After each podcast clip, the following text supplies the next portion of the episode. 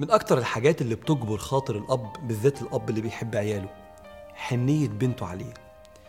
واللي مخلف بنت فاهم أنا بقول إيه كويس. الأب ما بيقدرش يقاوم دلع وحنان بنته أبدا.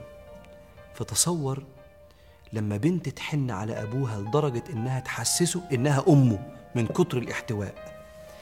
وده كان لقب أحن بنت على أبوها عرفها التاريخ السيدة فاطمة الزهراء أم أبيها. هي بنت رسول الله ولقبها أم أبيها. لأن هي كانت بتحاول تعوضه. حنان أمه اللي ماتت وهو عنده ست سنين. واللي حاولت تعوضه حنان السيدة خديجة التي لا تعوض. حنان السيدة فاطمة على سيدنا رسول الله أبوها كان ناشئ من طبعها الرقيق. ومن كم التحديات اللي شافتها والمعاناة في حياة رسول الله صلى الله عليه وسلم. لأن كان عندها خمس سنين وقت ما بعث رسول الله عليه الصلاة والسلام. فشافت رحلته من الأول وهي طفلة. يطلع سيدنا رسول الله عليه الصلاة والسلام عند الكعبة في بداية الدعوة يصلي وهي ماشية ورا أبوها عينيها ما بتنزلش من عليه عشان تطمن عليه. فيسجد عليه الصلاة والسلام ويجي عقبة بن أبي معيط وكان من المشركين. فيفتح بطن جمل ميت ويشيل الأمعاء حاجة صعبة جدا ويدلقها على ظهر سيدنا رسول الله عليه الصلاة والسلام. وتطير فاطمة عشان تنقذ أبوها وتزيح هذه القاذورات. وتربط على كتف رسول الله عليه الصلاة والسلام وهي بتبكي. اصبر يا أبويا. وهو يقول لها يا بنيتي لا تبكي فإن الله مانع أباك. خفيش. وتدخل مع سيدنا رسول الله عليه الصلاة والسلام حصار الشعب المكان اللي اتحبس فيه المسلمين وقررت قريش تقطع معاهم العلاقات لا تجارة ولا جواز ولا معاملة وكانت مجاعة ثلاث سنين. لكنها كانت جنب أبوها خطوة بخطوة. وهي وأمها السيدة خديجة كانوا مسؤولين عن خدمة ورفقة رسول الله في أصعب أوقات الدعوة شراسة ومقاومة من قريش. ولما جه هاجر النبي عليه الصلاة والسلام رجلي على رجلك يا أبويا مطرح ما تروح هجرت مع رسول الله عليه الصلاة والسلام.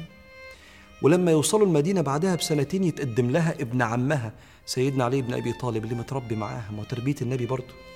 ويوافق النبي عليه على سيدنا علي ويقبل منه مهر بسيط لأنه راجل عظيم وهيصون فاطمة الحنينة. ويروح النبي بالمهر ده يجيب للسيدة فاطمة عطور وملابس علشان جمالها أمام جوزها. ويمسك سيدنا علي من كتافه ويقول له فاطمة في عينيك فاطمة بضعة مني من أغضبها أغضبني. حب حب مالي قلب النبي بسبب حنية السيدة فاطمة عليه وتخيل من حب سيدنا رسول الله ليها كانت كل ما تخش عليه كان يقوم ويقبلها بين عينيها إلا يوم وفاته عليه الصلاة والسلام. وكانت السيدة عائشة تقول وهي شايفة السيدة فاطمة جاية من بعيد أتت فاطمة لا تخطئ مشيتها مشية أبيها تمشي زي النبي بالظبط. والسيدة أم سلمة كانت تقول زوجة رسول الله كانت تقول كانت فاطمة أشبه الناس وجها برسول الله عليه الصلاة والسلام. تستمر قصة الحب والحنية من فاطمة أم أبيها لرسول الله عليه الصلاة والسلام حتى لحظة الوفاة لما دخلت عليه وهو عليه الصلاة والسلام على كتف السيدة عائشة رضي الله عنها. فمش قادر يقوم يقبلها فقال لها مرحبا بابنتي. ثم أجلسها بجواره وسارها. قال لها كلمة سر. فبكت بكاء شديدا. فلما رأى بكاءها سارها فضحكت. فالسيدة عائشة قالت لها قال لك إيه؟ قالت لها ما كنت لأفشي سر رسول الله.